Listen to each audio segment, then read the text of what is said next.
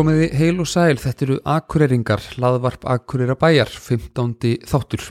Ég heiti Jón Þór Kristjánsson og í þessum þáttum fáum við að kynnast alls konar fólki sem er að gera merkilega og mikilvæga hlut í okkar samfélagi. Um leið heyrum við af þjónustu, áhugaverðum verkefnum og auðvitað góðar sögur. Gestuminn í dag heitir Rebecca Kristín Garðarsdóttir en hún er verkefnastjóri hjá SSNE samtökum sveitafélaga og atfunnu þróunar á Norðurlandi Eistra.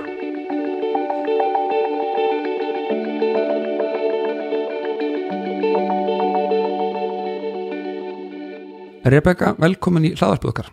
Takk hérlega fyrir. Hvernig hefur það í dag? Bara rosa fínt. Er Komin í jólagýrin. Komin í jólagýrin. Já. Glæsilegt, þegar þetta er ekki upp þá eru, hvað eru, þrýr dagar jól? Þrý dagar jóla. Já, allt klárt. það er aldrei allt klárt. En það verður nú klárt samt sko þegar jólinn hérna ganga í garð. Er það ekki?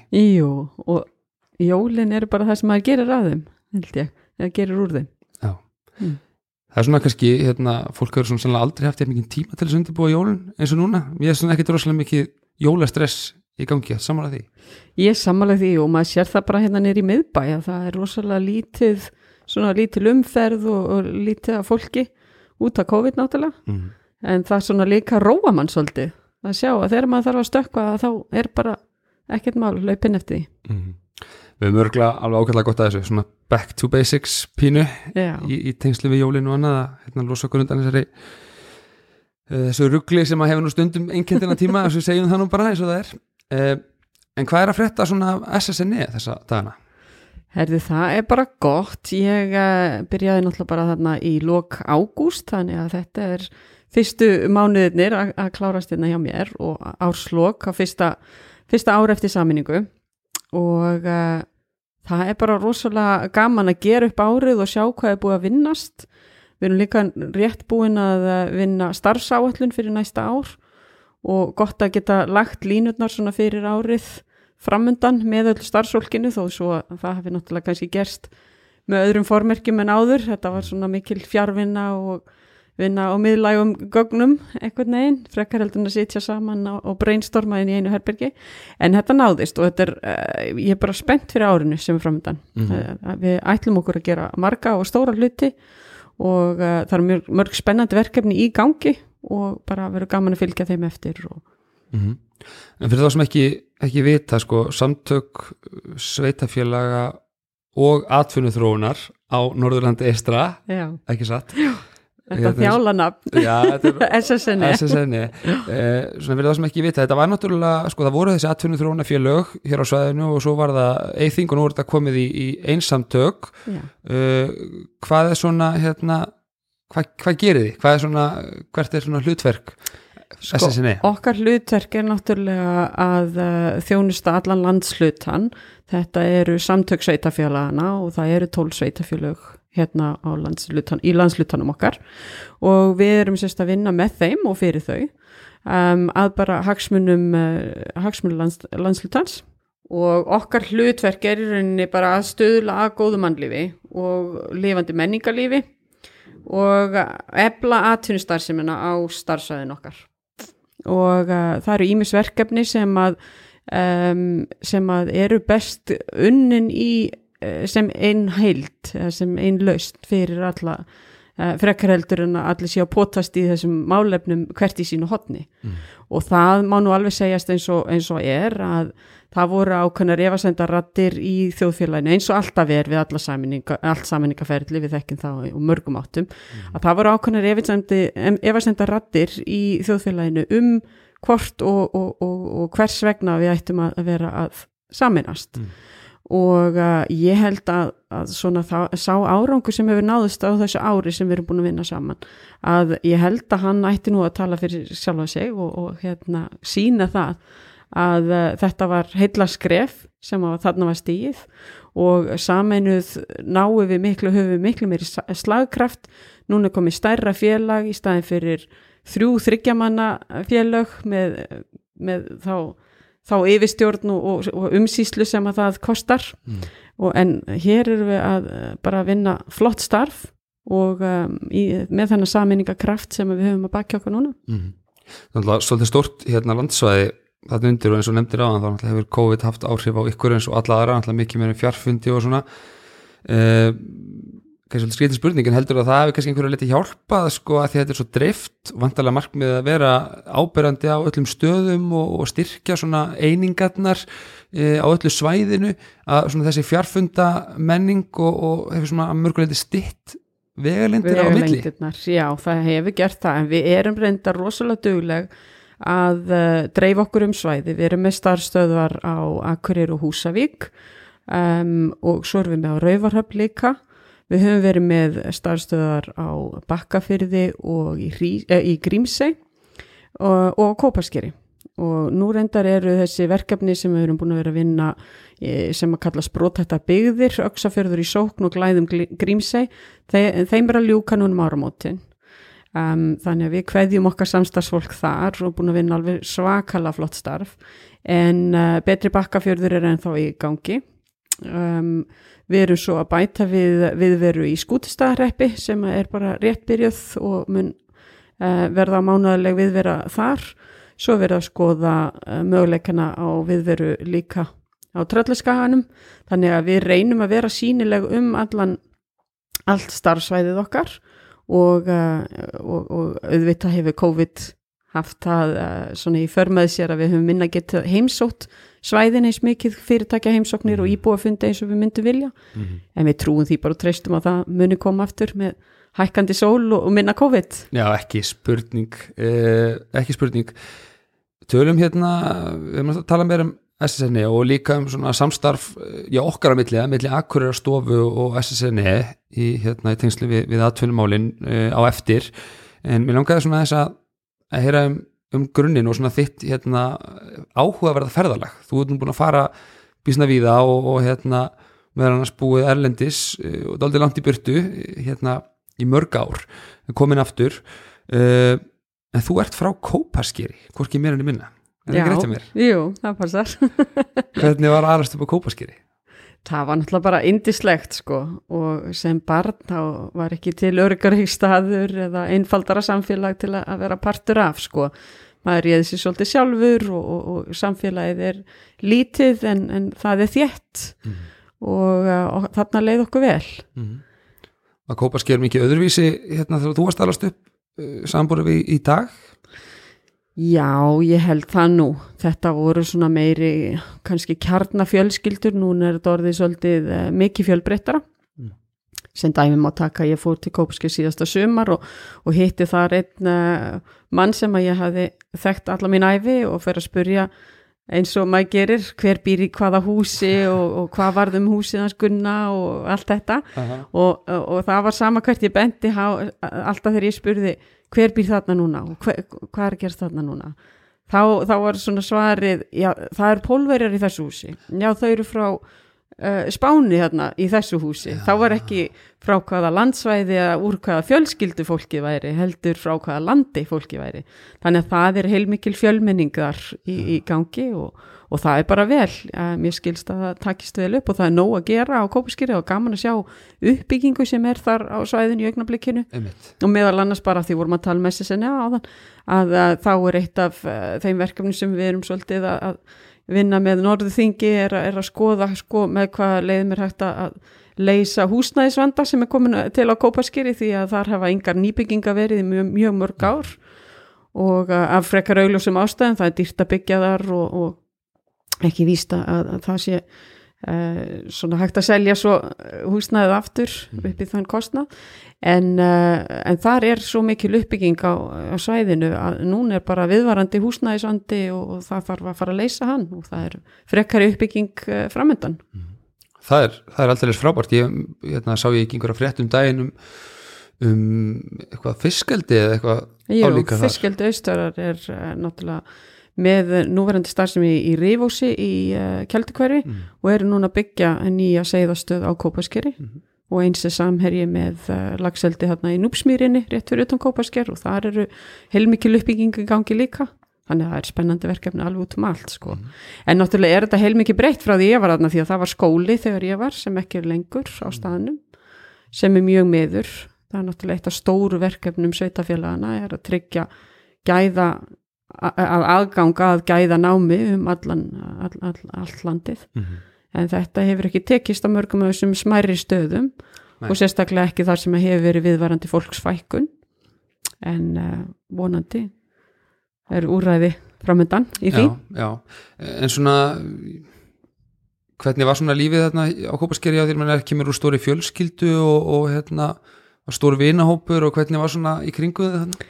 Já, sko, ég uh, ég kem, við erum fjögur sískininn og uh, pappi er nú úr þýstilfyrði þannig að við erum ekki langt komið frá hans heimahögum en á Kópaskeri er bróður hans líka og svo um, um tíma var sýstir hans þarna líka mm. þannig og þetta var ekkit einstæmi það var mjög mikið af svona eins og ég sagði kjarnafjölskyldum það sem voru kannski um, þetta börnin í þorpinu ammurnar og afennir áttu heima þarna líka á staðinum sko.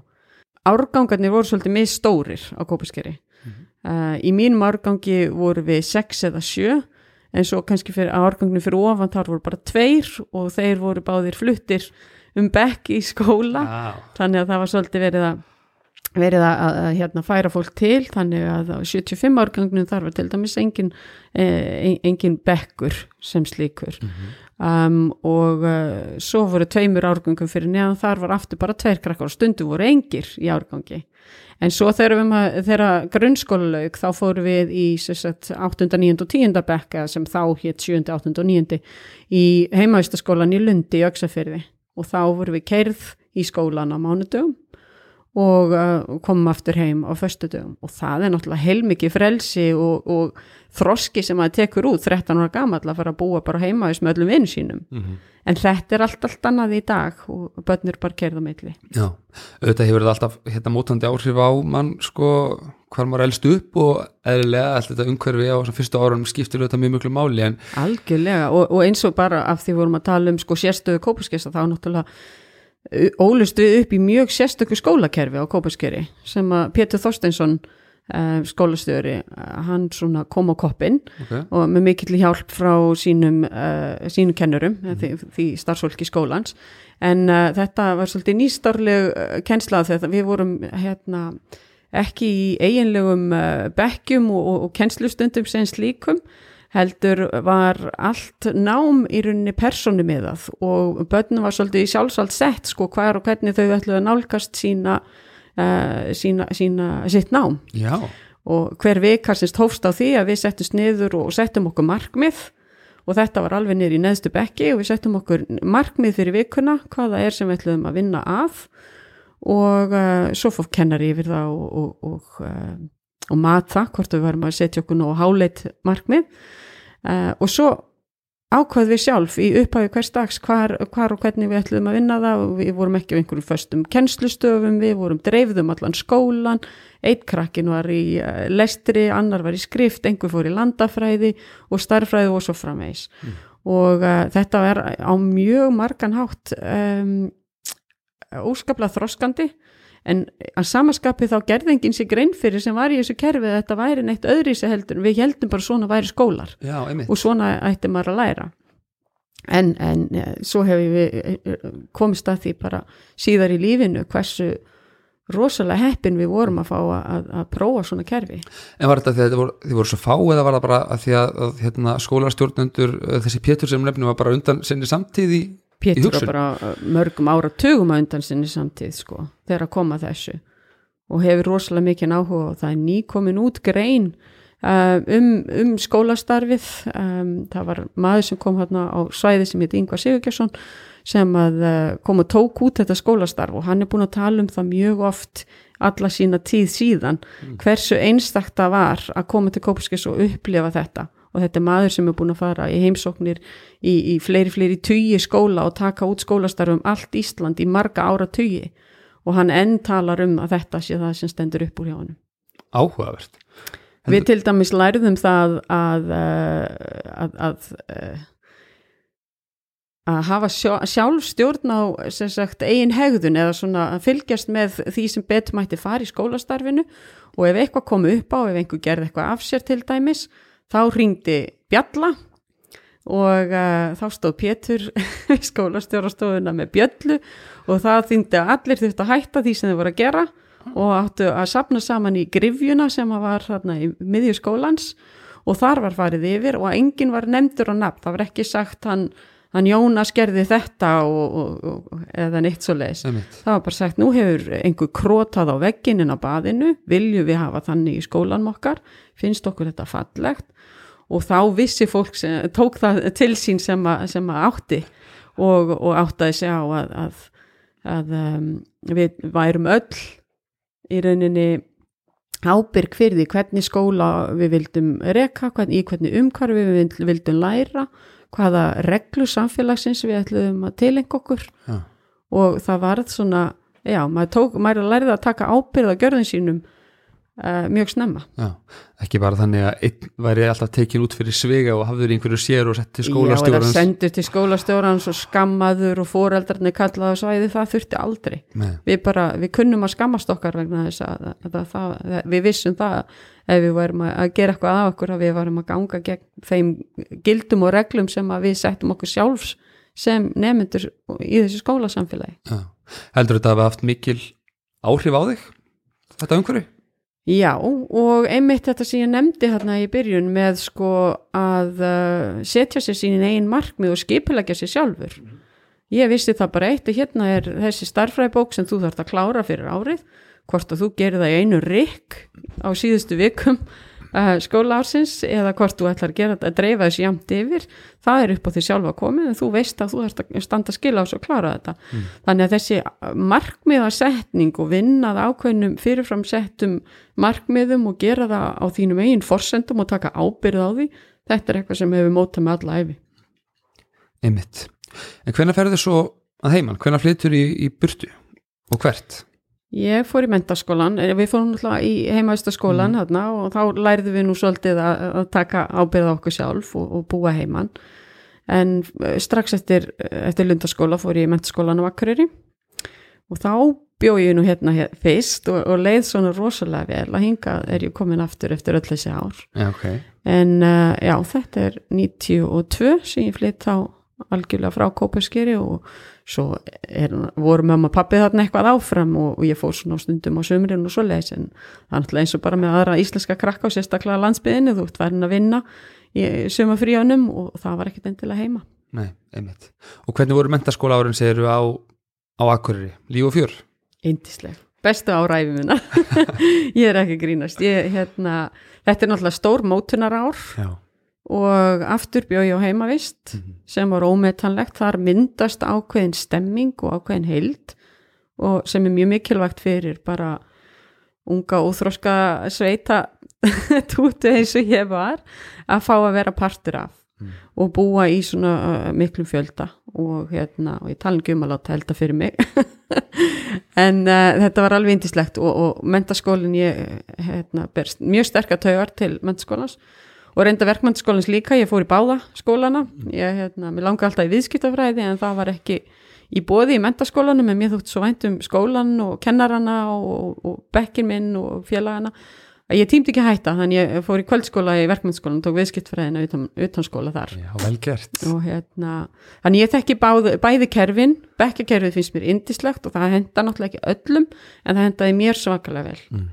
en að samanskapi var ég bara í rauninni mjög heppin að geta þá tekið bæði utanskóla og kvöldskóla hérna, eftir brautakkerfinu sem er uh, notað í varkmannskólanum og um, þannig að ég, uh, ég þekki bæði kerfin vel og, og, og, og sé svona kostina við báða, báðar aðferðir Já. en mentaskólin á alltaf hug og hjarta minn og ég, þegar ég flutti fyrst til Íslands núna í, eftir langadvöl Erlendis um, að þá er ég spurð af hverju þetta falla akkurirar og þá svona grínaðist ég pínlítið með en þannig að allu gríni fylgir einhver alvara og þá sagði ég að dótti mín voru nýjára og ég held ég þurfi svona mörg á til að heila þú hana svo hún færi örgla í er en uh, En hvað, hvað er það við Emma? Var, var, var það félagslífið eða var það bara bekkur en varstu, varstu virki í, í hérna, skólastarfinu? Eða? Já, ég var mjög virk í félagslífinu og fannst þetta bara indislegt. Þetta var bara svona eins og stór fjölskylda og búa þarna á heimavistinni bara og hlaupa nýr í skóla.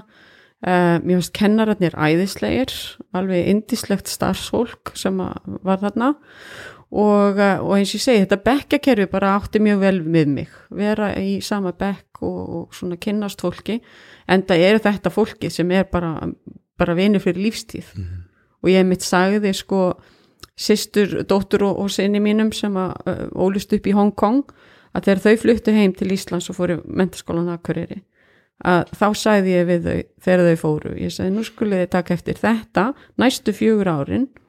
Það verða ykkar stæstu ár og fólki sem þið er að fara að kynast núna þetta verða vinið ykkar allæfi mm. og ég efast ekki eina mínutum að það sé, það sé satt. Einmitt, Já, vel sem margir sem getur tekið teki undir þetta og, og eins og nefndir með báða skólana, þannig að eru algjör forréttindi fyrir okkur hér að hafa bæðið tvo framhaldsskóla og sem eru svona ólíkir og í rauninni bara breyttin, þú veist, og úrvalið það er alveg ótrúlega mikið með þessum tveimur ólíku skólum Já. sem eru þetta í fremsturöð uh, á sínu sviði Já. báðir uh, en hvað um það sko, já þú ert þetta í mentaskólanum og, og hvað svo eftir, eftir mentaskóla? Eftir uh, mentaskólan fór ég söður, flytti ég söður og fór í uh, ferðarskóla fluglefa og um, lærið ferðamálafræði um, sem var bara hluta, hluta úr vetri Uh, ég var ekki alveg búin að ákvæða hvað mér langaði að verða þegar ég verði stór og átti svolítið erfitt með það val en uh, fór á svona háskóla kynningu uh, sem ég finnst mjög áhugavert koncept og, og hvert fólk til mm -hmm. að fara á og þar lappaði ég frá einu borði til annars og þar var verið að kynna læknisfræði og lögfræði og viðskiptafræði og ég veit ekki hvað og hvað og ég lappaði fram hjá þessu öllu saman. Æ, þetta er leðilegt, æ, nei, nei, svo segi, hm, hérna er eitthvað sem er bara kent frá oktober til mars og endar á uttalandsverð því ekki sé farið það. Frábært. Þannig að ég stökki ferðarskóla flilega og, og, og, og tók þetta ferðarmálafræði hérna, gráði mm -hmm. sem í rauninni gefur manni bara réttindi til þess að fara að vinna á ferðarskrifstofu mm. Og um, mér fannst mjög gaman. En svo fljótlega eftir það ákvæði ég að fara í viðskiptfræði í Háskólan Reykjavík. Það var nýr skóli. Mm.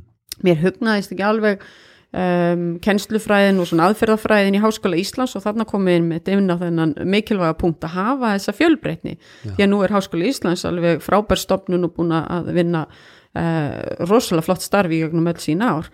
En að hafa fjölbreytnina og hafa val um að fara í eitthvað allt, allt öðru sig sem er samt háskóla nám og mm. endar allt, samt á svona sem, sem gráðum sem maður er að leita eftir og eru mikilsmetnar í, í, í hérna, viðskiptæminum þannig að Þannig að þá fór ég í HR og, og sem var í rauninu pínu óskrifa blad, það, þau hefði aldrei útskrifað nefnendur á þessum tíma, þannig að það var ekkert alveg vita hvernig þeim, þeim eh, námsmunum er þið tekið í lók náms og hvort þeir eru því eftirsóttir starfskraftar. Já.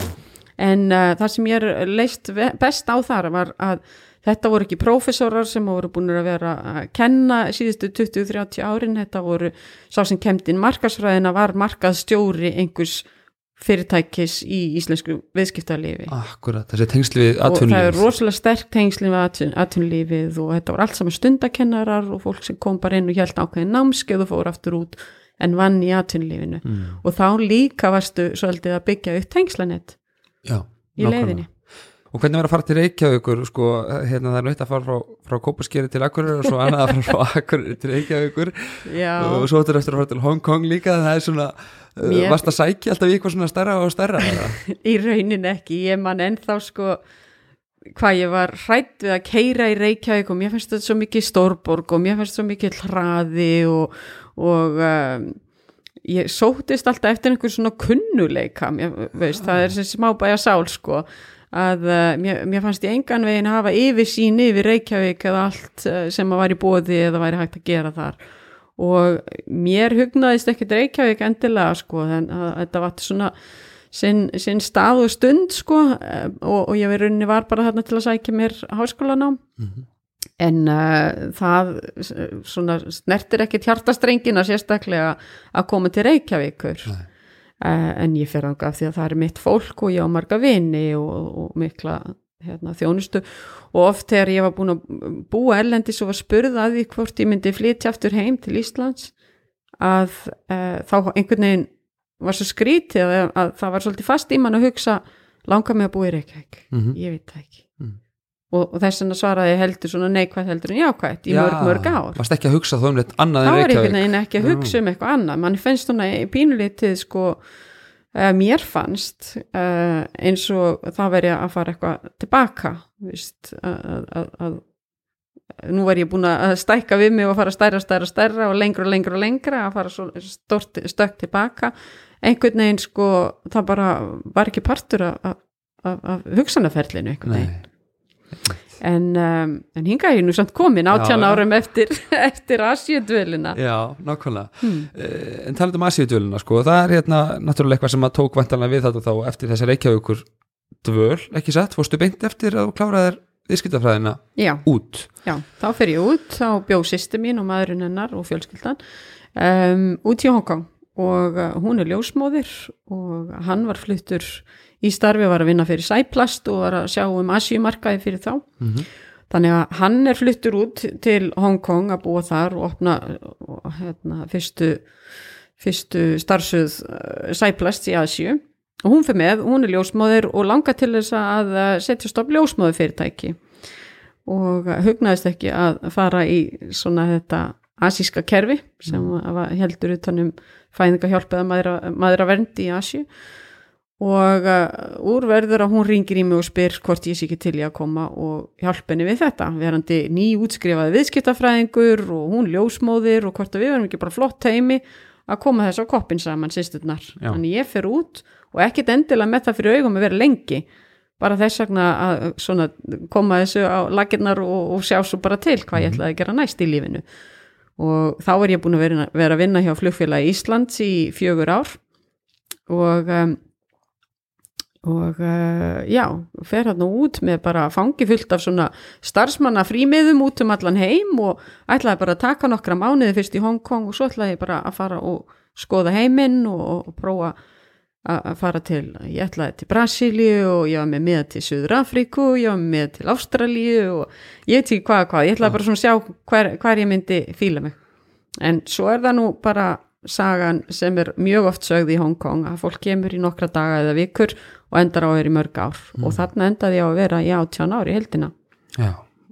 Og hvað, hvað var það? Getur þú sagt það núna? Hvað það var sem, sem held er í, í hérna allan hennar tíma? Þetta er svona, þetta er svolítið borgtækifærana, það er rosalega mikið í gangi og uh, að koma hérna úr svona sósælísku öryggi á Íslandi, þar sem allir það ekki alla svolítið, að fara í svona yðandi stórborg sem að bara uh, lifi fyrir kapitalismann og, og hérna tækifærin og um, svona frumkvöla starfsemi er, er rosalega rík hérna og uh, þetta einhvern veginn bara að fara af stað í eitthvað svona verkefni með sýstuminni og, og vinna þetta saman, þetta vatt upp á sig og þetta var fyrir restæsta engarekna ljósmaraþjónustan í Hongkong Já, ok. Og þau seldu fyrir nokkrum árum áðurnu fluttu burt frá Hongkong þá seldu þau uh, fyrirtækið þannig að núna er þetta partur að stærra batteri en þetta gekk rosa vel og, og, og Hulda sýstir raketa í 1920 ár áður en hún flutti. Já, en ég fór sjálf eftir nokkur ár þegar ég var hérna fyrst með henni í tvö ár og svo fór ég að rekka mitt eigi fyrirtæki í nokkur ár og um, fór svo endaði í, í hérna auðlýsingaheiminum og, og blaðaútgáfu. Já, já, já. En, en þegar þú kemur þarna fyrst út það hlýtur nú að verið pínu pínu skrítið, pínu sjokk eða hvað? Já, já, það var náttúrulega menningasjokk og, og allt en, en að fara þarna út með fjölskyldu fyrir Já, það er svo mikilvægt. Fluttur hérna til þeirra eða hvernig var? Já, ég flutti til þeirra og var hjá þeim fyrstu þrjá mánuðina. Mm. en svo þegar var ljóst að ég ætlaði að vera lengur þá fór ég bara og legði mér og, og, uh, og, og já, fann mér samleigjanda og við byggum þar. Já, einmitt. Og þannig að það hefur gengið vel að koma þessu þessu fyrirtækja á, á koppin og, og hérna Já, og bara áhugavert. Já það, gekk, það gekk rosalega vel og í rauninni má ég segja að það var svona lón, lán í óláni. Því að við byrjum á þessu þarna í, e, í lók, eða setni hluta 2002 og svo kemur fugglaflensan Mm. fljótlega eftir áramótin 2000, 2003 og þá vildi engin, og það var svo mikið inn á, sko, á sjúkrahúsunum. Og þá vildi engin vera að eiga börnin inn á sjúkrahúsunum og, og eða sækja sér maðuravernd eða neitt slíkt. Þannig að fá uh, ljósmóður heim til sín sem að myndi bara koma í þitt eigið inn í, inn í þína stofu og hugsa um þig og, og, og nýburann eða, eða bara með hún stóli það var alveg sko, það seldist eins og hitta lumur Já. Þannig að það var sjaldan jafn mikið að gera eins og, eins og þarna. En sko, þú varst vissulega búin með sko viðskiptafræðina en, en var ekkit hérna flókið að að stopna svona fyrirtæki eða, eða fylgja því úr, úr hlaði nýju fyrirtæki í nýju hérna, landi og svona freka mikill menningamunur og svona vissur hvað varst að gera Nei, nei, en það er nú bara uh, seginsag og ný að, að í svona frumkvölastarðsemi þá verður þú bara stundum að henda þér út í djúpulögina og prófa þig áfram og sjá hvað gerist. Og svo lærir að mistökunum og vonandi eru mistökin ekki mjög dýr. Og uh, þetta náttúrulega allir frumkvölar þekkja það á einskinni að svo mikið af uh, þeirra árangri er bara komin af, af því að vera duglegur mm. og vera heppin og gefast ekki upp. Já. það snýst um seglu og, og, og hérna se- seglu og dugnað. Já, fyrst og fremst. Þú er nú í, í miklum tengslu við frumkvöla og, og fólk sem er að starta fyrirtæki og svona í, í þínu starfi. Núna er, uh, er eru við nógu, hvað við, nú talaði um okkur Íslendinga sem eitt svona, eitt svona mengi, menna eru við nógu dugleg að taka svona áhættur og, og, og prófa? Hvernig er svona staðin á því já og nei. Það er náttúrulega mikið af fólki sem að hugnast að að mæti vinnuna og, og hafa svona áskrift á launatjakkanum. Mm -hmm. vissulega og það verður alltaf og ég held að það sé ekki endilega meira Íslendingar heldur en annar staðar.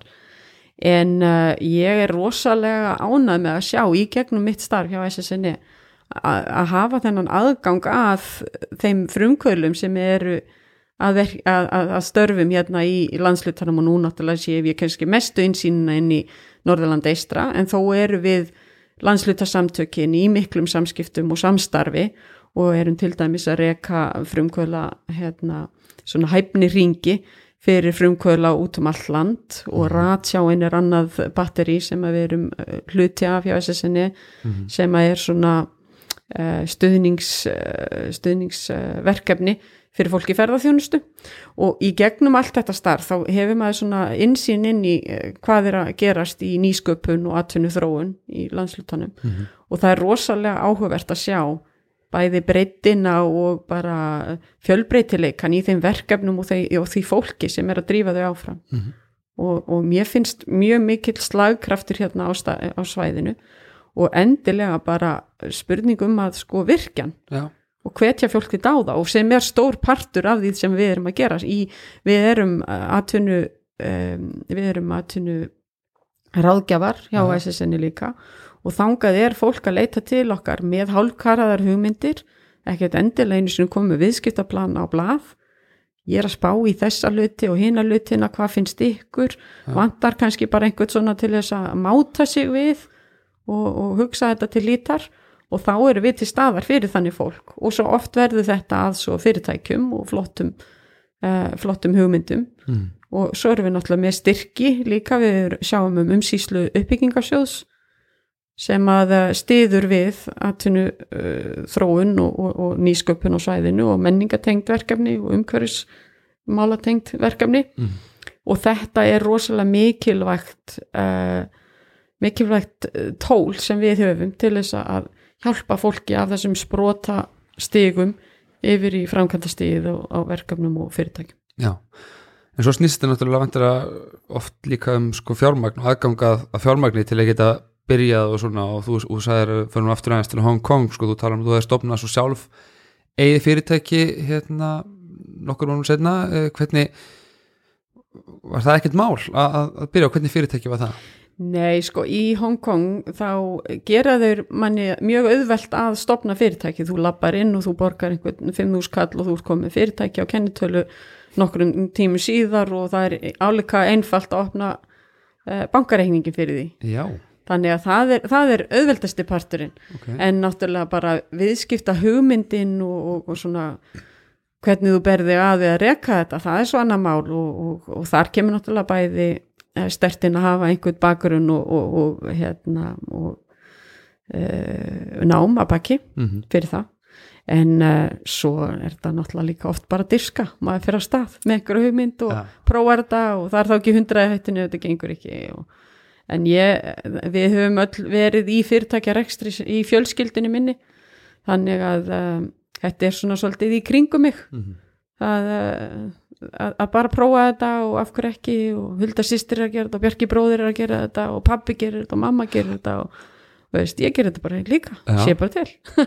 Þannig ég fór bara að staði það. Ég var í rauninni með tvennskonar rekstur, ég var annars vegar með uh, svona hérna badfóstru þjónustu það sem þú gast uh, bóka badfóstru til þess að koma og hjálpa þér með nýbarana þegar börnum voru lítil. Já, um, og það var náttúrulega bara bein uh, afleiðing af þeim kunnahóp sem við vorum með í ljósmæra þjónustinni svo eru þau börnin aðeins stærri þegar við vorum búin að hjálpa þeim hjá, í ljósmæra þjónustinni og, og, og hérna hulda og búin að sjá að maðuraverndina og börnin var aðeins stálpuð. Mhm. hulda farin að stað að hjálpa annari verðandi móður eða verðandi fóreldrum að þá svona var ég með þessa lausn og ef ykkur vantar einhverja frekar aðstóð þá erum við með hérna starfsmenn á, á skrá eða, eða já, badfóstrur á skrá og þú getur bókaðir í gegnum okkur og við sendum þær til inn í eitt, tvo daga eða vikur eða mánuði jafnvel eins og oft var. Sniðut, að- svona viðskipta Já, sambandi við það var bara svona, já, mæta þessum þörfum sem við vorum hérna með kunnahóp og ef hver ekki að halda áfram að, að þjónusta það áfram? Þó, að, þó að það passaði ekki beint inn í sko, þetta koncept sem ljósmara þjónustan var. Um, og svo var ég með svona viðburðastjórnun. Og þá var, það var í rauninni bara eigin svona sjálfsbjarga viðleitni sem að kekkaði þar inn sko. Því að þarna voru á þessum tíma fljótlega eftir þá kreppu svona sem að kemur í kjölfarið á SARS þessari fuglaflensu hérna þessu fuglaflensu tímabili að þá er atvinnleysi viðvarandi í Hong Kong og mikið verið agitera fyrir því að fyrirtæki eh, ráði heimamenn og sé ekki að ráða útlendinga í eh, vinnu og óþörfi nema að eh, þeirri þörf sé ekki uppfyllt með, með hæfni heimamanna og því var mjög erfitt fyrir mig að fá einhverja vinnu eða fara og labba milli og sækjum fasta vinnu og í staðin þá fór ég bara til fyrirtækja og sagði ég er ekki að leta vinnu, ég er með mitt eigið vinnuvísa hérna eða starfsleifi en ég hins vegar um, sérhafi mig í viðbúrastjórnun svona event management Mhm.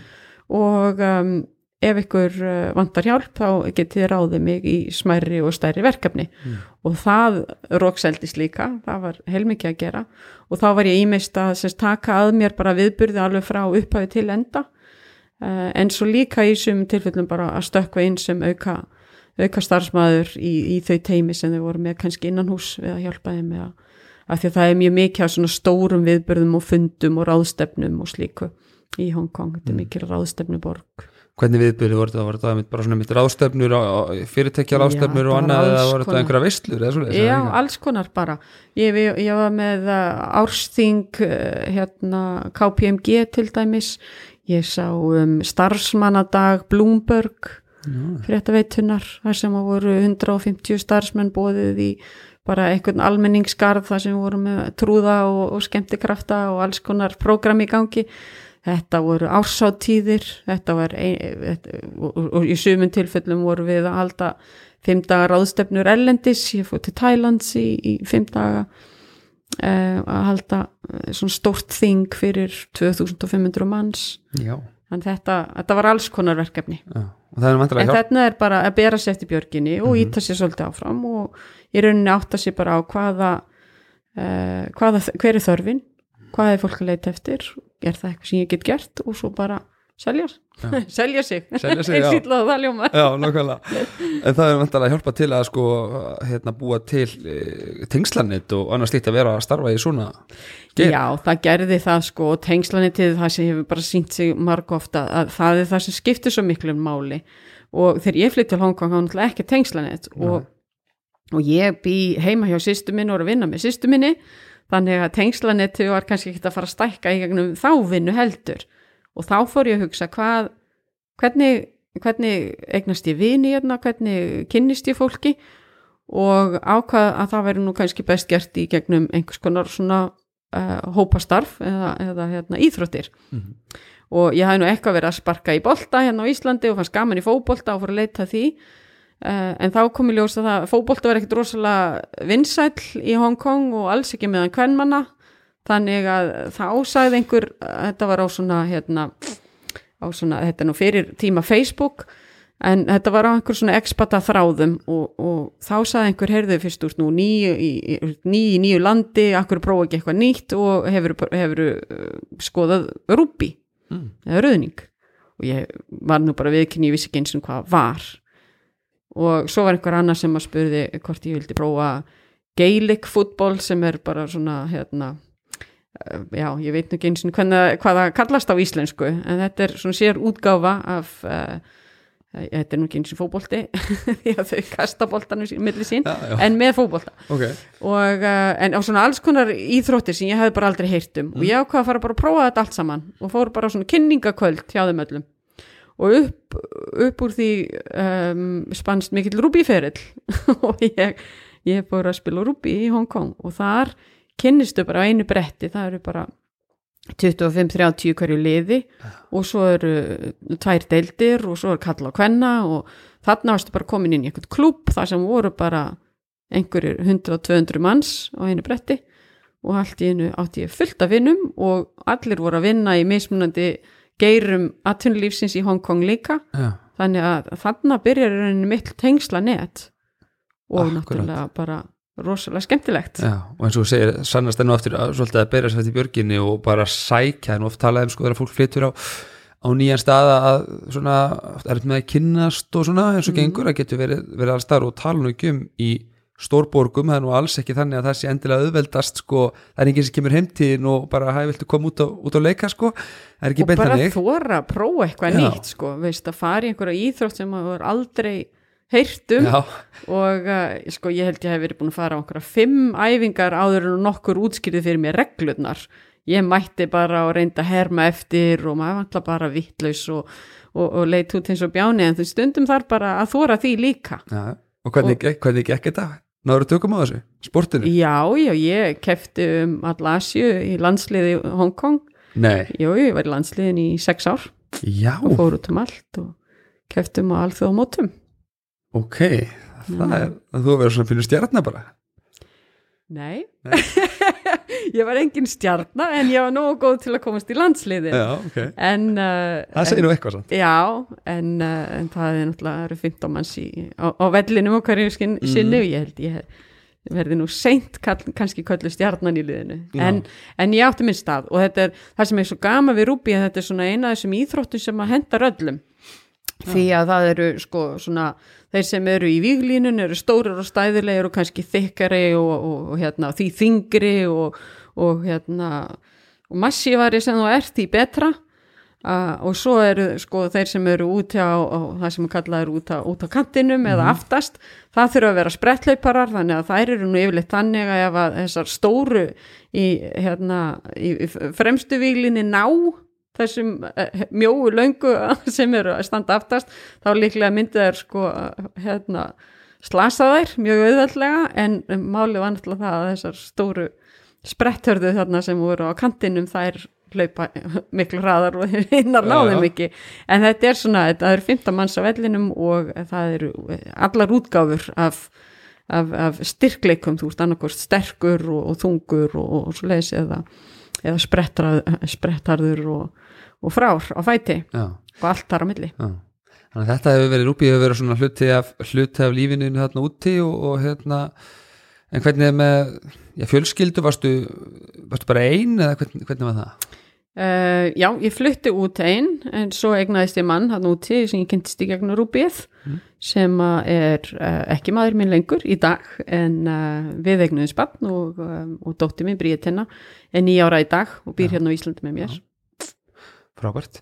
Og, og svona lífið og getur líst í aðeins meira sko lífinu þarna úti bara uh, hvernig það var sko fyrir það sem að þekki ekki til hvernig það er að búa í, í slíkri stórborg eh, hvernig það er samanborið við akkurir bara svona hefbundin dagur. Það er náttúrulega allt, allt öðri sig þetta eru miklu þetta, mik þetta, eru sjö miljónir sem eru á landsvæði sem er ekki mikið stærra heldur en í af fjörðurinn eða það er landsvæði sem er búið á Aha. í Hong Kong þannig þetta er, þetta er mikið þéttbíli það er mikið hraði það eru um, Hong Kong er náttúrulega helst þekkt fyrir háhísi Mhm. þetta er fjármála miði Asíu þannig að þetta er mjög fjármála tengt allt saman þó að sé náttúrulega aðtunugreinar af öllum tegundum þannig um, hvað er öðru sér við Akureyri? Vegalengdunar er svo stuttar hérna. Þú ert, uh, þú ert sjaldan fastur í umferðaþunganum sem að myndast á bara ákveðnum tímum sólaringsins alltaf. Um, það er stæsti kosturinn og náttúrulega nálægðin hérna við bara uh, alla afþreyingu og, og, og náttúruna og slikt er rosalega mikill kostur en þar sem ég bjó síðust árin í Hong Kong þá var ég komin aðeins út fyrir bæinn 20 km út fyrir bæinn. Og þá 20 km tók samt sko klukkutíma 20 að keira á hverju mótni Já, en uh, þá var ég bara komin með náttúruna bara í bakgarðin og það er í rauninni það sem er svo heitlandi við Hong Kong er að þetta er svona borgöfgana. Það eru ríkir og fátækir það eru það er náttúra og, og, og, og steinsteipa og háhísi það er, það er friður og ró en það er líka rosalega mikið læti og parti þannig að það, það er svona, þetta er svona borg uh, andstæðunana og maður getur fundið eitthvað við, eða geta allir fundið eitthvað við sitt hæfi í Hong Kong og það er það sem er svolítið skemmtilegt við það. Og það var ágætt Íslendingarsamfélag þarna og við vorum náttúrulega kannski vel tengt í Hulda sýstir var uh, konsúl Íslendinga í Hong Kong já, í já. nokkur ár. Þannig að þeir Íslendingar sem komu og fluttust til landsins voru eh, strax í samskiptum við okkur og hún held alltaf partí á fyrsta eða semst svona Íslendingar samkomu fyrsta desember á hverju ári. Og svo reyndu við vilt að koma saman í, í kringum aðra kostningar eða 17. júni og svona. En uh, þetta var kannski ekki rosalega margir við vorum svona milli 20 og 30 á hverju ári en, uh, en þetta var rosalega góður hópur. Mm og allir einmitt í svona sínum eigin atvinnurekstri. Já ok Já, og, og, og þú náttúrulega með þitt, með þitt fyrirtæki og svona, ég ætla að spyrja sko, hvernig er með svona vinnu menningunum og það er svona tilfinninguna með tónkong sem svona fjármála miðstöð og svona þessi hávísi og maður sé fyrir svona þessi viðskipti og svona pínu hérna mikið læti og, og öfgar er það þannig í, í vinnu langir, langir vinnudagar og, og svo framvegis eða? Já, það var svakalega langa vinnustundir um, og það er bara normið og sérstaklega ef þú ert að vinna í alþjóðlegum fyrirtækjum og eh, ég tala ekki um eins og í mínu tilfelli, þegar þú ert komin í millistjórnanda eða stjórnandastig þá ertu í miklu samskiptum við fólk á uh, hérna í, í sömu stöðu í öðrum löndum. Og þá er þetta farið að tegja sig svolítið, svolítið eh, langt yfir tímabeltin eins og til dæmis í lokin þá var ég að vinna hjá Byrtingahúsi og var þar framkvæmtastjóri yfir allri Asíu. En mínir samstarfsmenn eða nánustu samstarfsmenn voru hínir framkvæmtastjórarnir yfir hínu löndunum eða hínum, hínum landsvæðunum. Þannig að ég var í rauninni sko, minn starfstagur var að byrja sko klukkan 6 á mótnana þegar Ástralía sem var eitt af mínu starfsvæðum já, með skrifstóri Ástralíu og, og Singapur, Hongkong og Tævan að þá var minn, minn vinnudagur að byrja klukkan 6 þegar Ástralía vaknar en svo voru kannski da, voru dagarnir langir því að uh, allir samstagsfundirni með hínu frankastjórunum ef það er Asia, Bretland og, og, og Bandaríkin á einu fundi þá þýðir það alltaf að það er mótnannir á í Bandaríkjunum miðudagur í, í uh, hérna Evrópu og kvöldin hjá okkur. Þannig að mínir fundir til dæmis með þeim samstarfsmönnum voru yfirleitt klukkan 10, 11 og 12 á kvöldin. Þannig að þetta, þetta, þetta voru langir vinnudagar. En á móti kemur náttúrulega launin eru miklu hæri heldur en á Íslandi og skattaprósenta miklu miklu læri 16-17% Já, þannig að það er mjög margir sem fara til Hong Kong og eru þar í 2-3 ár og mjólka kerfið og, og, og, hérna, og vinna, vinna mikið en svo kannski bara kjósa svo be- annan lífstíl Já. síðan meir en eru þá kannski með búinir að, að safna, safna sér í sarpin einhvern svona, einhvern svona grunn. Uh, já, þetta hljómar svona ekki eins og kannski einar fullkomna aðstæður til þess að sko samræma uh, fjölskyldulíf og vinnu til dæmis. Svona, Nei, í rauninni ekki sko, en það er samt margt sem að er hægt að gera til þess að reyna að blanda því saman. Nú, nú eignast ég eh, dóttur mína mm og er þá í eh, starfi sem að krefst mikill að ferðalaga um alla álfuna, þá var ég reynda bara með Asju. En, eh, en hún fór bara með mér allt sem ég fór. Mm, og þarna út er engin leikskólar eða það er ekki, ekki þetta leikskólakerfi eins og hérna á Íslandi þannig að það er allir með hjálpara heima hjá sér. Og eh, sem að bara eh, svona auper já, í rauninni, já. Auper með uh, já, lengri vinnustundir. En, uh, en já, þeir búa yfirleitt heima hjá þér og uh, sjá bara um börn og heimili fyrir þig. Og ég tók bara dóttur mína frá því hún var þryggja mánuða þá var hún farin að fara í viðskiptaferðir og, og ég hef sjálfst gefið henni brjósta og ímsum stöðum um alla álfu og, og hérna, hennar vegabrjá var orðið vel stimplað þegar yfir lauk já, hún nýtur nú góðs að því hlýtur að vera, já, hún er mjög alþjóðleg. Er það ekki? Jú, hvernig verður henni gengið að, aðlægast lífinu hér? Hafandi búið alltaf úti? Hérna á Akureyri, já, sko það hefur gengið alveg rosalega vel og ég er bara þakklátt fyrir það. Um, það er náttúrulega skiptir svo miklu máli að ég var alltaf að tala íslensku við hana. Já, en pappin er nýskjálenskur þannig að það var ekkit endilega gefið að hún myndi kunna íslensku, jafnvel og hún gerði áður en við fluttum en ég hef alltaf lagt mikið upp úr því að koma til Íslands á hverju einast ári oft tvisar ári frá því að hún fættist og uh, hún bara nýtur góðs af því og þannig að, að komast inn í skólakerfi og svona við talar hún svolítið vittlaust ennþá en þetta er bara eitthvað sem kemur. Og íslenska málfræðin er náttúrulega erfið öllum þeim sem ekki alast upp við hana en ég hef alltaf trúið að hún komi og hún er, talar ekki með hreim til dæmis, hún bara beigir svolítið vittlaust eða, eða setur vittlaust sem greini við ö, ö, sum, sum orð sem hún ekki þekkir áður. Akkurat. En það, það mun allt saman koma, ég hef engar áhyggjur af því. Já. hvað var það sem að hérna var þess valdandi að þú ákvast að að flytja heim, það var bara núna fyrir á þessu ári sem þú kemur heim. Já, ég flytt heim í mæ já, og hafði í raunin ekkit endilega að hugsa mér að koma heim svona fljótt en ég viðkynni það alveg að eftir 18 ár í Hong Kong þá var ég svona komin með hugan annað. Ég, bæði voru aðstæður í Hong Kong að breytast mjög mikið og hefur nú svolítið verið í fréttunum á Íslandi, það er búin að vera, vera ákveðið pólitíst umrátt í Hong Kong. Mér hugnaðist ekki svona framtíð Hong Kong til lengri tíma. Þannig ég var farin að horfa í aðrar áttir og uh, flutti mig yfir, í, yfir til Singapore í uh, fyrra og var svona rétt búin að koma mér fyrir þar og ætlaði vera að gefa því tvö ár. Hvað varst að gera þá svona vinnu, vinnulega séð? Þá var ég bara, ég var framkvæmstjóri yfir þessu byrtingahúsi Já. og byrja í þeirri, þeirri stöðu í að vinna í Hong Kong skrifstofunni en fer svo til, yfir til Singapore. Og ætlaði að vera þær allan að tvö ár gefa því, gefa því tvö ár að en ég svona tæki stöðun aftur að því. En svo kemur COVID.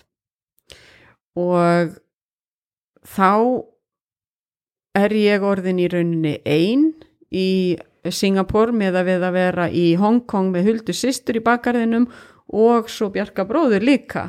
Því að var, við vorum þrjú sískinin anna á tímabili og meiri sé að þar nokkrum árið þar og undan þá var pappi í nokkur ár hjá okkur úti líka. Já það, og ef við spólum aðeins, fra, aðeins, aðeins lengra aftur og bak þá var, var yngri sýsti mín, Petra sýstir var hann hjá okkur líka eh, einn vetur.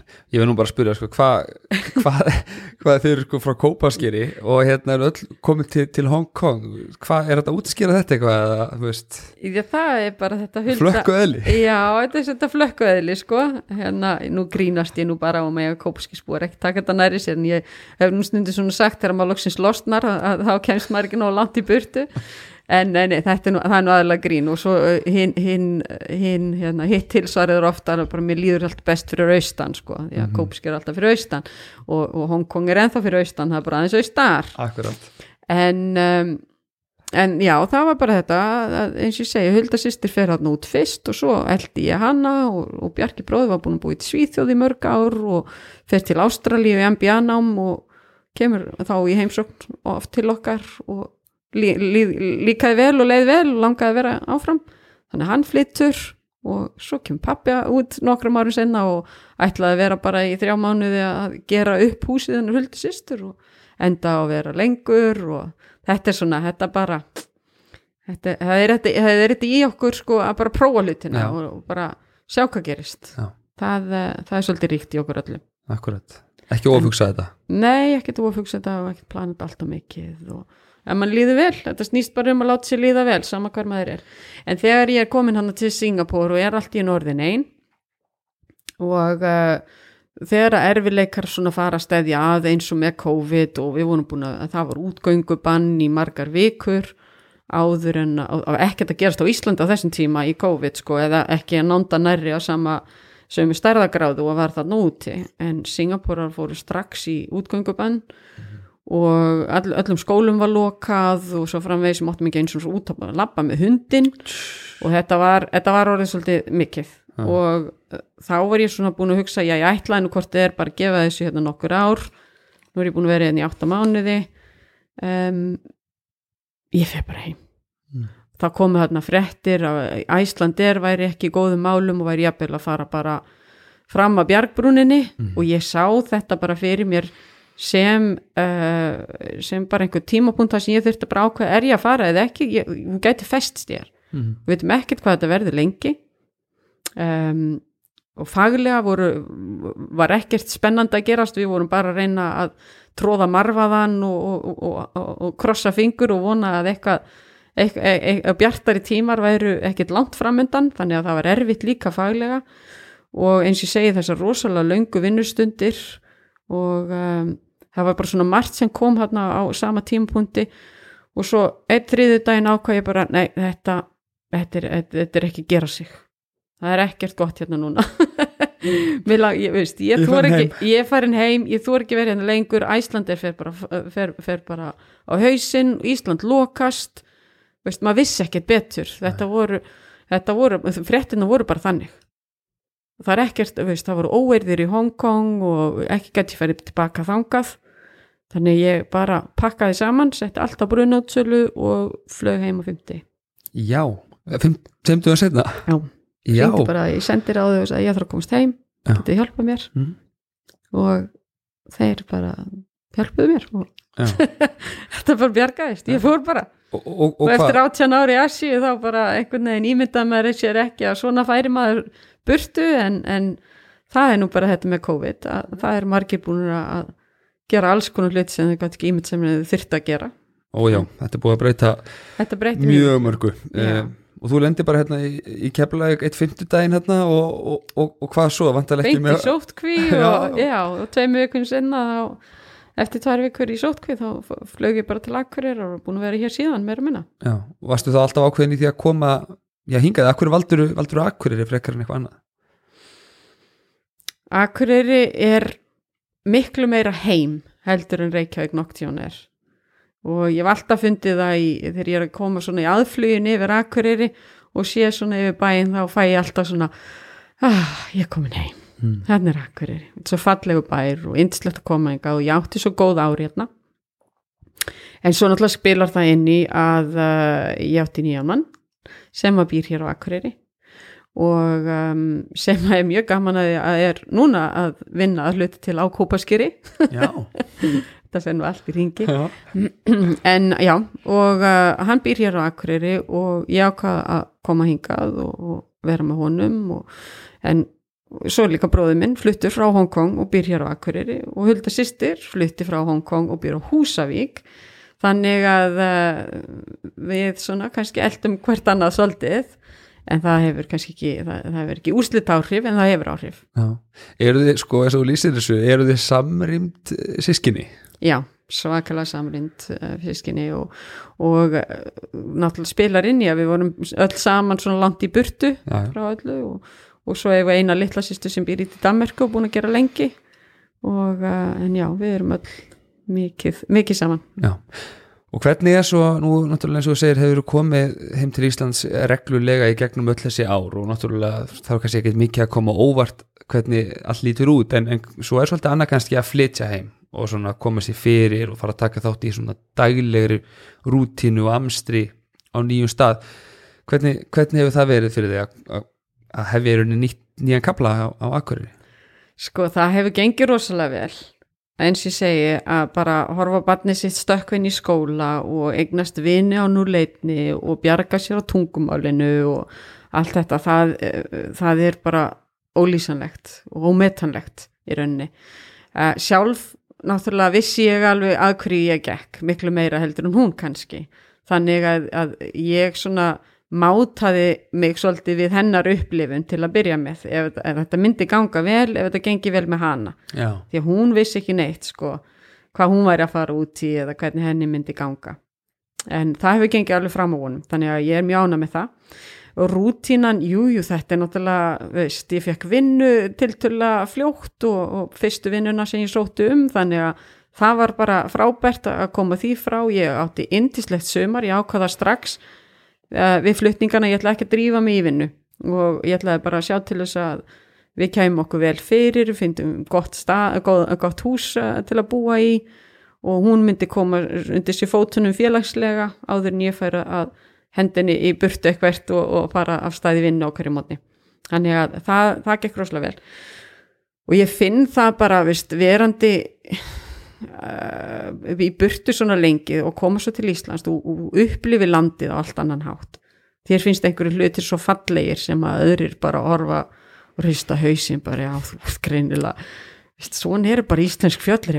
Hvað, þetta er bara hlýðafjall og ég stend og tek myndur og sjáu þið hvað þetta er fallegt og, og þannig að maður svona upplýður hlutina kannski svolítið sterkar heldur en þeir sem eru meira samdöinaði já, en svo sjálfsögðu uh, fyrir nýja brumið að því einhver tíman en ég er bara búin að vera hérna í sex mánuði og mér finnst ekki nýja brumið farið af enn einmitt. því er ennþá svona uh, bara, já, ég, ég lít svolítið öðrum augum á margt Já. finnst mér heldur en aðrir Þannig að þetta hefur ekkit verið svona neikvægt sjokk að þú saknir þess að að vera í ís og þess og, og meiri látum. Nei, ég sótti í að gera eitthvað allt, allt annað. Ég vildi, ég er rauninni setti niður fyrir mig og eins og ég segi, löngaðurinn ákvað uh, að fara að sækja um vinnur eða svoleiðis, þá setti ég bara niður á blað, hvað er það sem ég líka vel í, hérna, í lífinu akkurat núna og hvað er það sem ég vil breyta.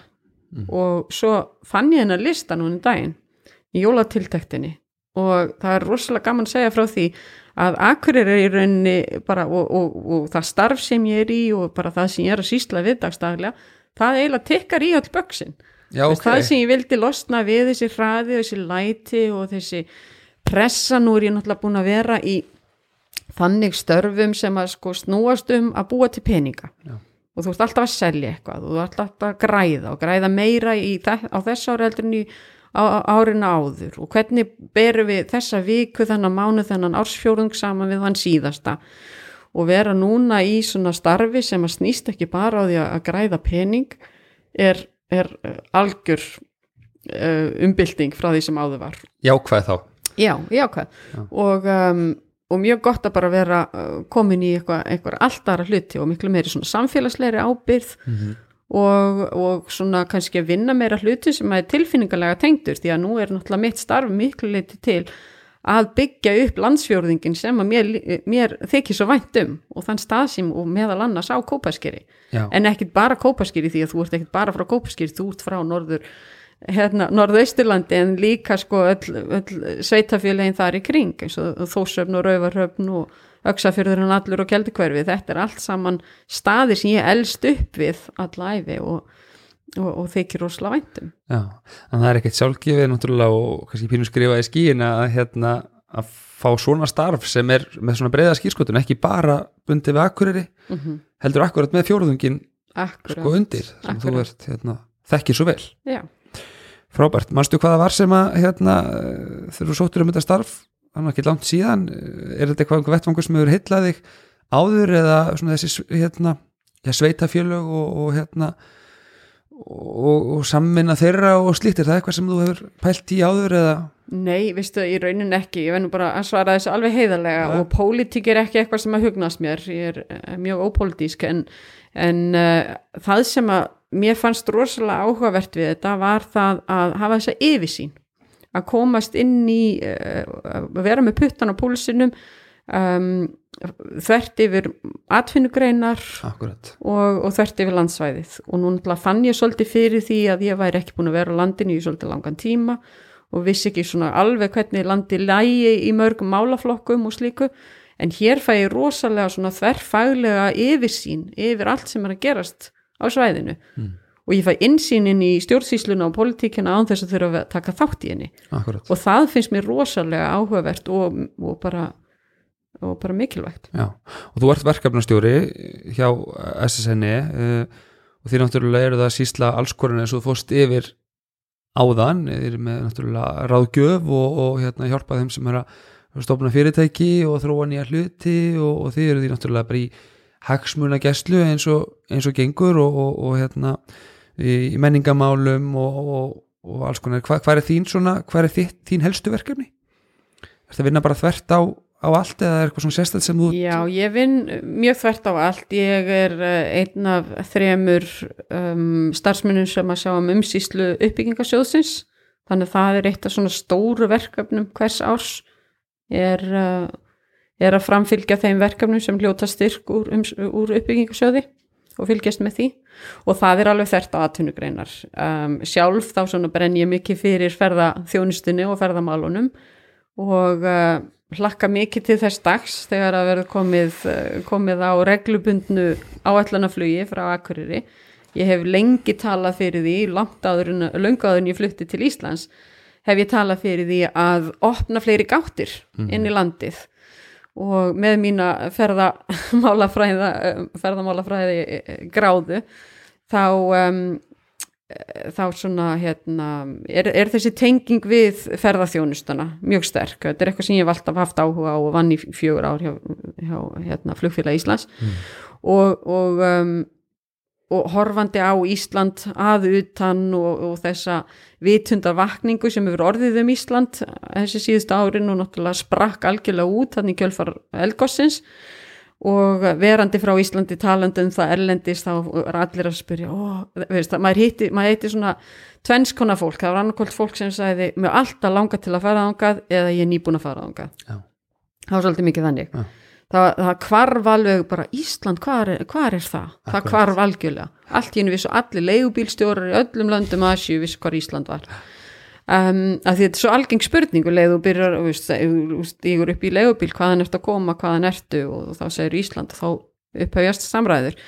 Og mér fannst alltaf svo gaman þetta, svona, þessi, þetta þjóðarstolt að heyra hvað Ísland væri eh, vinsælt og hvað þetta væri flottur áfangastaður og svo framvegis.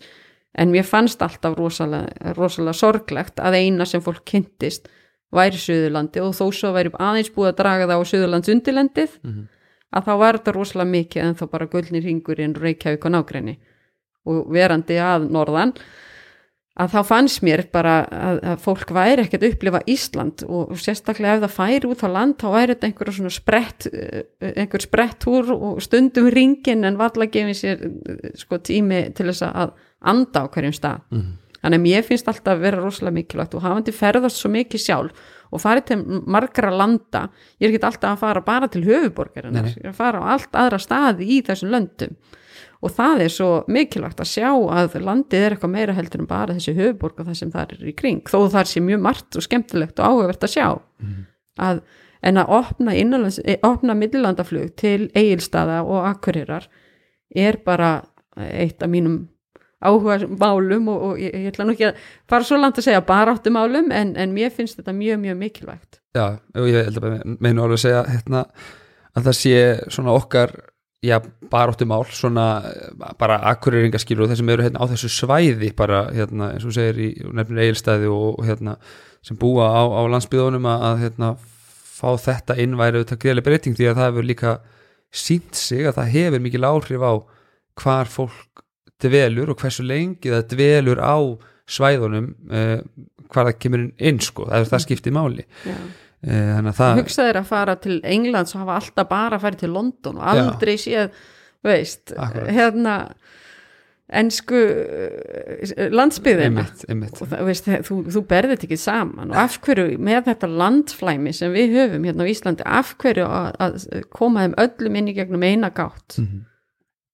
algjörlega og þetta var svona að maður fekk svona tilfinningu að þetta væri hefur verið í, í áttina. En svo náttúrulega þessar aðstæðar sem við erum að glíma við núna hafa náttúrulega e, dreipið þetta niður eins og svo margt annað í, í byli en, en hérna við vonaði besta, það ekki? Jú, jú, þetta mun gerast, Þetta það mun er alveg ljós Þetta er þegar, þú notar alltaf orðið þegar sko, Já. það er ekki ef, það er þegar. Akkurat, það er bara þannig. Uh, og þeir náttúrulega hjá SSN eru náttúrulega líka að styðja við uh, sveitafélögin og vinna með sveitafélögunum uh, og meðal annars okkur hjá Akureyrbæði, við erum aðeins að aðeins að tala um það mm. líka og samstarf okkar á uh, Akureyrastofu þar sem að ég vinn hérna sem til eru við Akureyrbæ og ykkur hjá á SSN uh, við höfum verið að vinna saman aðeins af hérna, áhugaverðum verkefni sem snúast um svona Akureyri sem já, atvinnu svæði getum við sagt. Uh, og ætlum að gera hérna, samkeppnisgreiningu. Viltu segja okkur aðeins á, eða á, áheyrendum aðeins frá því? Já, þetta er rosalega áhugavert. Nú eh, snýst þetta svolítið um að svona átta sér betur á hvað höfum við fram að færa hérna á þessu landsvæði og akkurir og hér um kring. En líka sko hvað er það sem við höfum ekki og þurfum þá kannski að vinna að. Og allt er þetta svona liður í þeirri undirbúningsvinnu sem er verið að vinna til, fyrir atvinnustefnu Akureyjabæjar og þannig að þetta er mikilvægt á svo margan hátt, þetta er bæði er hægt að nota niðurstöðunar úr þessari greiningavinnu sem við erum að vinna í að uh, í markasetningu á svæðinu sem að bæði þá hagnast markasetningu á atvinnutækifærum en líka á búsitu mm. og af því að allt hel- heldur helst þetta nú í hendur sko, fólk þarf vinnu þar sem það býr og, og, og þar sem er vinna er vantar starfskraft. Akkurat. Um, þannig að þetta er rosalega áhugavert og við erum að gera eitt og annað svona eh, í, í þessu stóra heildarverkefni. Og það er málþing sem við erum að fara að halda um fólk færi störf eh, með yfirskriftinu fólk færi störf sem að verður í loki janúar. Og uh, þar erum við rauninni bara að um, undistrika þetta sem er búið að vera mikið í deiglunni, ekkert bara hér á sæðinu heldur um allt land uh, með, þó- með störf án staðsendingar sem ég reynda vil nú breyta um störf óháð staðsendingu því að allt hefur nú staðs, einhverja staðsendingu Akkurat. En svona færanleika fólks og það að störfin þurfi ekki öll að vera í Reykjavík og sérlega ekki ópimbur störf og það er mörg dæmi um það hvernig eru verið að, að, að, að sísla með hagsmunni landsbyðarinnar en þetta er allt gert úr skrifstofum í Reykjavík og hagaðilarnir og, uh, og, og, og, og rekstraraðilar og, og, og, slí, og fleira er allt saman út á landi en uh, ákvarðantakan er fyrir sunnan. Þannig þetta er eitthvað sem við viljum breyta og þetta málþing er í rauninni eitt partur af því, bæði vitundavakning en líka bara svona að, að fyrir okkur öll að skilja betur og sjá betur hvað er hægt að vinnast með því að opna möguleikana á að velja sér staðsetningu og velja sér þar, þar á sama tíma lífstíl í rauninni fyrir sjálfan þig og fjölskylduna þína, hvernig lífi viltu uh, uh, lifa og, og, og hvað er þér mikilvægt? Af því að vinnan er rauninni bara eitt partur af lífinu en það er ekki endilega að vera ákvörðuna eða sem það sem að velur, velur stað, staðsetninguna fyrir þig. Já, nákvæmlega sko. Já. og svo er við líka halda svona fyrirtækja þing, það er rosalega mikilvægt að vera í opnu samstarfi og samtali, eiga opið samtal við fyrirtækja rekundur á svæðinu. Þannig að um, það er kannski ágætt tækverði að plugga því inn líka. Já, endilega. Því að það er bara núna 14. januar og þar viljum við fá fulltrúa úr öllum um, mismunandi atinu uh, hérna, greinum á svæðinu. Stó, stór og smá fyrirtæki. Við ætlum að takmarka fjöldan og það er bara vegna þess að við ætlum að fara í svona rínihópa vinnu sem að takmarka okkur svolítið hérna, hvað við getum haft marga en það er sérst opið fyrir þetta núna og er hægt að, hægt að sækjum að fá að vera partur í þessu.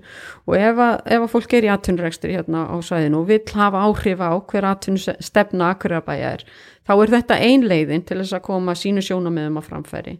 Og ég trúi því og treysti að, að fólki svona rennur svolítið blóði til skildunar að koma og vera með okkur, þetta er bara einn og hálf klukktími og hjálpa okkur að skilja betur hvað það er sem að er að ganga vel og, og, og hérna, ætti að draga að aðra aðtunur en hvað er líka það sem er ekki að ganga svo vel sem við gætum þá vonandi farið að leita lausna við. Já, akkurat.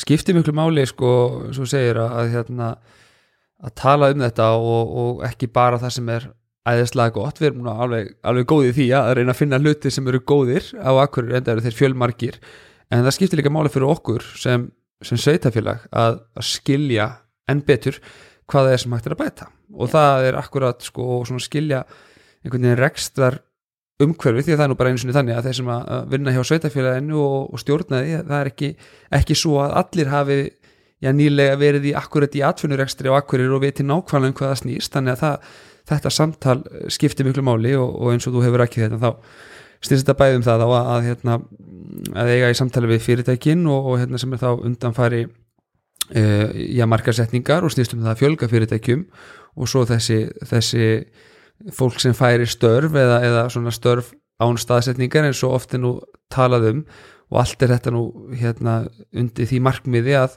fjölga hérna fólki. Því við viljum sannarlega fá hingað og það er ekkert, er leindamál við viljum frá, fá fleiri fyrirtæki og við viljum frá, fá fleira fólk mm -hmm. og, og fyrirtæki er nú upp til hópa fólk en þetta er alltaf áverð sem nefndir með sko hérna málþingið hérna fólk færi störf og störf án staðsetningar er nú komið hérna sé, er ekki markmið í byggða áallun sem er einhvern veginn þannig að 10% eh, auglistra starfa starfa eiga að vera þá án staðsetningar mm -hmm. og eins og þú segir það er svolítið gaman að leika sig með þetta því það er nú, ég hef allavega ekki að þó séð það starf sem er bara unnið algjörlega án staðsetningar. Það eru nú flestir staðsettir einhver staðar sko, mm. sem er að vinna þannig að þetta er eiginlega frekar það kannski að velja sér að velja sér draumastaðsetninguna og geta unnið við það sem þið langar. Já.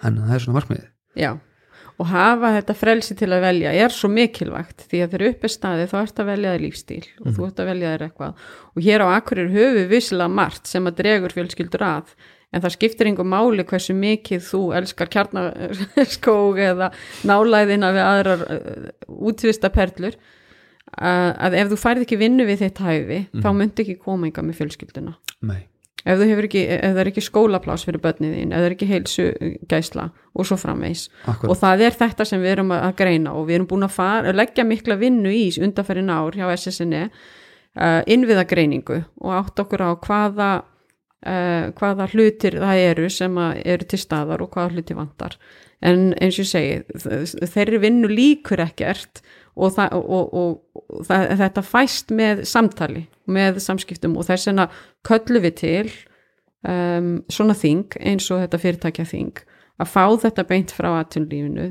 þið, þið eru í rekstri þið vitið hvaða er, er þetta, snýst þetta um uh, flutningsleiðirnar snýst þetta um raförkuþörfina og svo framvegis mm -hmm. og þetta þurfum við að heyra frá fólki til þess að hjálpa okkur við að átt okkur á hvað það er, af því við tölum rosalega mikið um allt það sem er gott mm -hmm. og við vitum í rauninni meira um það sem er gott mm -hmm. heldur en það sem vantar mm -hmm.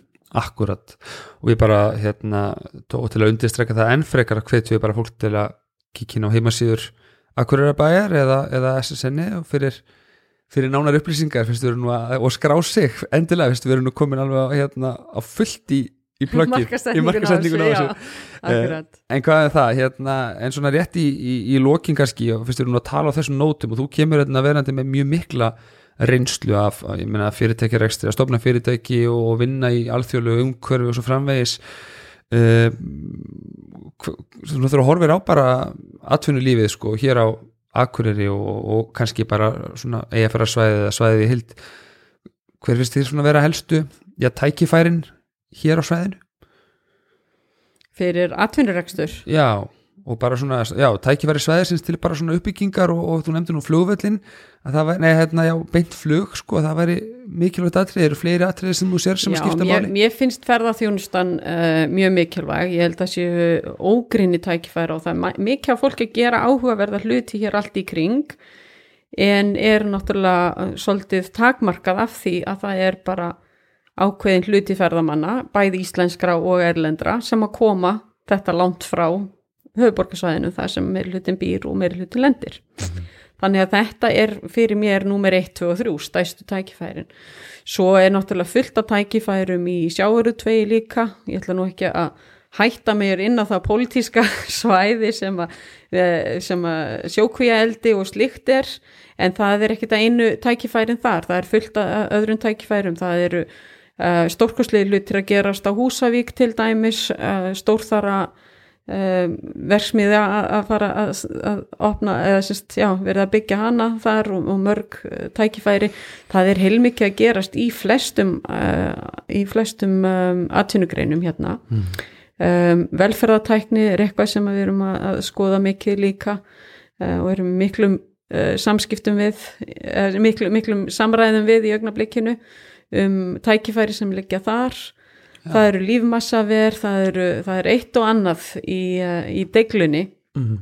og mér finnst uh, mér finnst uh, þetta rosalega spennandi tími hérna sem er, sem er framöndan ég held að eitt af þessum svona uh, ljósupunktum í kjölfar COVID er það einmitt að fólk hefur svolítið opnað augu fyrir því að það er hægt að nota fjárfundatæknina meira heldur en hefur verið gert áður það er oft á tíðum fáránlegt að vera að keira í klukkutíma til að taka klukkutíma fund og keira svo annan klukkutíma heim þannig ég trúi því og treyst og vona að þetta muni breyta einhverju til framtíðar og að fólk fari svolítið að skoða betur svona í kringun sig hvað, hvaða tækifærin er og, af hverju þau séu að, að, að horfa bara á, á svona eitt stað þar sem meiri hluti þjóðurinn að safna saman. Já, einmitt Ég held að landsbyggðin sé eitthvað svona og ég, er, ég, þá er ég að tala um ekki bara fyrir Ísland, ég held að landsbyggða væðingin sé eitthvað sem eigi eftir að koma næst því að það er búið að vera svo mikið talað um það hvernig fólk flikkist til borgarinnar Já.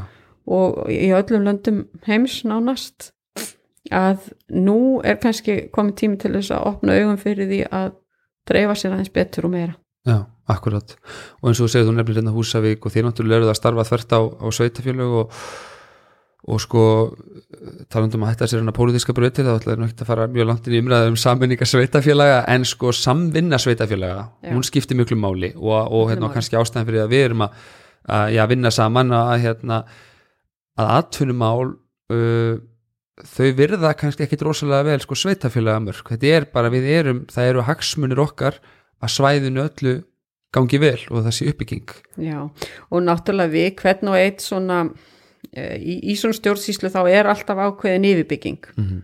og að, við konum bara aftur inn á það sem við uh, vorum inn á í upphafi að vera með þessa yfirbyggingu eins og var í fyrir samruna uh, atvinnu þróunafélagana og eithings að vera með framkanta, þrjá framkanta stjóra sem eru framkanta stjóri yfir tveggja manna teimi þrís og sinnum þrýr versus það sem við höfum í dag Já. og þetta er í rauninni svolítið svipað í uh, sveitafélögunum bæði þessi yfirbygging en líka bara slagkrafturinn sem að fæst með því að vinna sameigilega af uh, þeim málefnum sem að alla verða í landslutanum mm.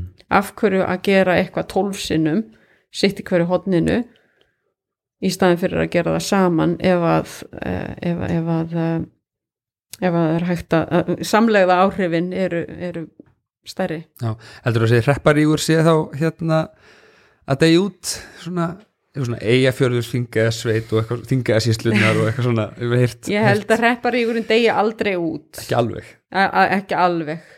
En vonandi sér fólk um, hagraðinguna í því og þó svo að núna heiti sveitafélagið eitthvað annað ég, ég kem frá Kópaskeri ég kem ekkert frá Norðuþingi þetta eru bara nöfn og þetta eru stjórnsýsluleg uh, mál frekar heldur en kannski þessi tilfinningabönd sem að fólk tengir oft við eitthvað, ég er löngu hægt að segja sé frá prestóla reppi þannig að hlutinni breytast og menninni með. Já, akkurat.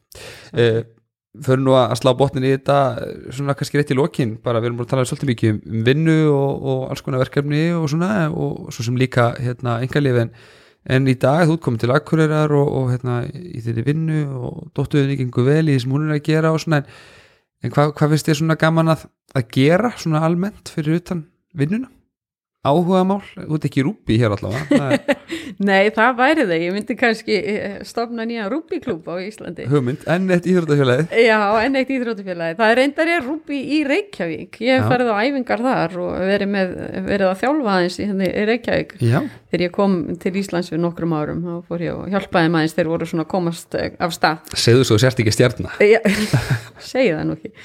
En uh, nei, ég, ég, ég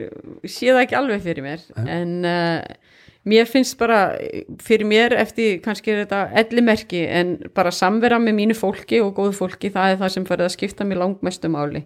Og ég legg mikið upp úr og svo samvera er ekki endilega verri ef hún er upp á fjöllum og í, hérna, ég hef verið mikið í svona utanvega hlaupum og göngum.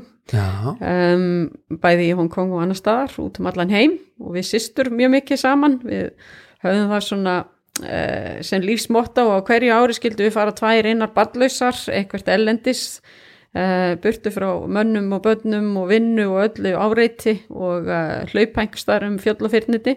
Og höfum gert það alveg sleitulaust síðustu árin þangað til bæði náttúrulega núna COVID um, kom ég vekk fyrir það, hefði ekki verið COVID þá hefði ég verið í Nepal núna í, um, í november í já, hlaupum þar.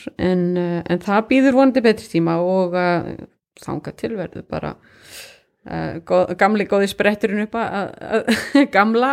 Já, nákvæmlega. Og hérna. Og gaman að segja frá því í tengslu við þetta að hérna, frá því áhugaverða verkefni sem er að byggja upp hérna, heimsklassa utanvegarhlaup hér í, í, fyrir ofan eða í kringum Akureyri, Súlur Vertikal. Þar eru, eru Það með mjög stórhuga einmitt. Já, það er einmitt eitt af þessum verkefni sem við höfum styrt úr uppbyggingasjóði Já. og það er mjög sorglegt að þeir þurftu að, uh, að hætta við það í, sumar. En það var búið að merkja allt saman og gera allt. Og það er gaman frá því að segja að það var stór hópur hérna, sem að mætti samt sem áður Mhm. með, uh, með, með grímur og, og, og góð millibili. En Já, við já. hlupum þetta samt og fórum, fórum þessar vegalendir og þetta er rosalega flott hjá þeim og það er svona það er svona framtak sem að, sem að skipta svo miklu máli Já. og átta sig á að eh, er líka möguleikar fyrir hérna fyrir norðan. Einmitt, og uh, nú er ég, sé ekki að segja frá einhverju sem ég má ekki en það er sagt við erum nýbúin að, að tryggja alþjóðlegt skíðamót hérna fyrir norðan sem að var verkefni sem að komin á borð hjá SSN að hjálpa uh, skíðafélagi Akureyrar við að umsóknarskrif um að halda Scandinavian Cup. Mm. og það er sérst nýbúið að útluta Akureyrar eða skíðafélagi Akureyrar þetta verkefni. Þannig að það er margt hægt að gera hér út á landi og fólk þarf bara að hugsa hátt Mm og, og bara dög og djörfung, drífa sér í verkefnin og það er ekki víst að það klikki einmitt. Það er svolítið hugsunni sem maður þarf að hafa. Já, hugsa hátt og, og hugsa upp í fjöllin líka. Það er mikil tækifæri í þeim. Já, þú sér það nú með fjallaskíðin og annað hérna í kring, þetta er rosalega flottir hlutir sem voru bara ekki í bóði fyrir tíu árum. Akkurat. Blálókin framtíðin, ertu eitthvað, ertu eitthvað að hugsa um framtíðin, ertu, ertu í núinu bara, ertu með stóra, stóra drauma, þú horfir á þig eftir, eftir fimm eða, eða tíu ár Ég er alveg klárlega komin hinga til að vera eitthvað næstu árin. Ég flutti frá Hongkong til Singapore til Íslands allt á innan við ári og hef ekki hug að flytja neitt mikið meira í, á næstu árum. Og eins og ég segi, um, Brétur orðið nýja ára gömul, þannig að uh, það eru nú hvað, sjö ár í mentaskólan, sex, sex, sjö ár, eitthvað svo leiðis í mentaskólan hjá henni og uh, ég veit það, það, það um, þroskaði mig mikið og hjálpaði mér að svona hleypa heimdraganum og fara að, að uh, fara í þess að heimaðist sem að var hann í mennskólanum og hver veitnum að það liggi fyrir henni líka og, og ég fljú eitthvert á brot þá. En eins og ég segi, næstu fimm árin þá sé ég mig bara hér og, og lakka til þess að halda áfram að bara vinna þessari uppbyggingu sem er í gangi hérna á Norðausturlandi. Einmitt. Frábært, ég vona að þér gangi allt í hægin, Rebecca Kristín Garðarsdóttir og takk kjærlega fyrir spjallið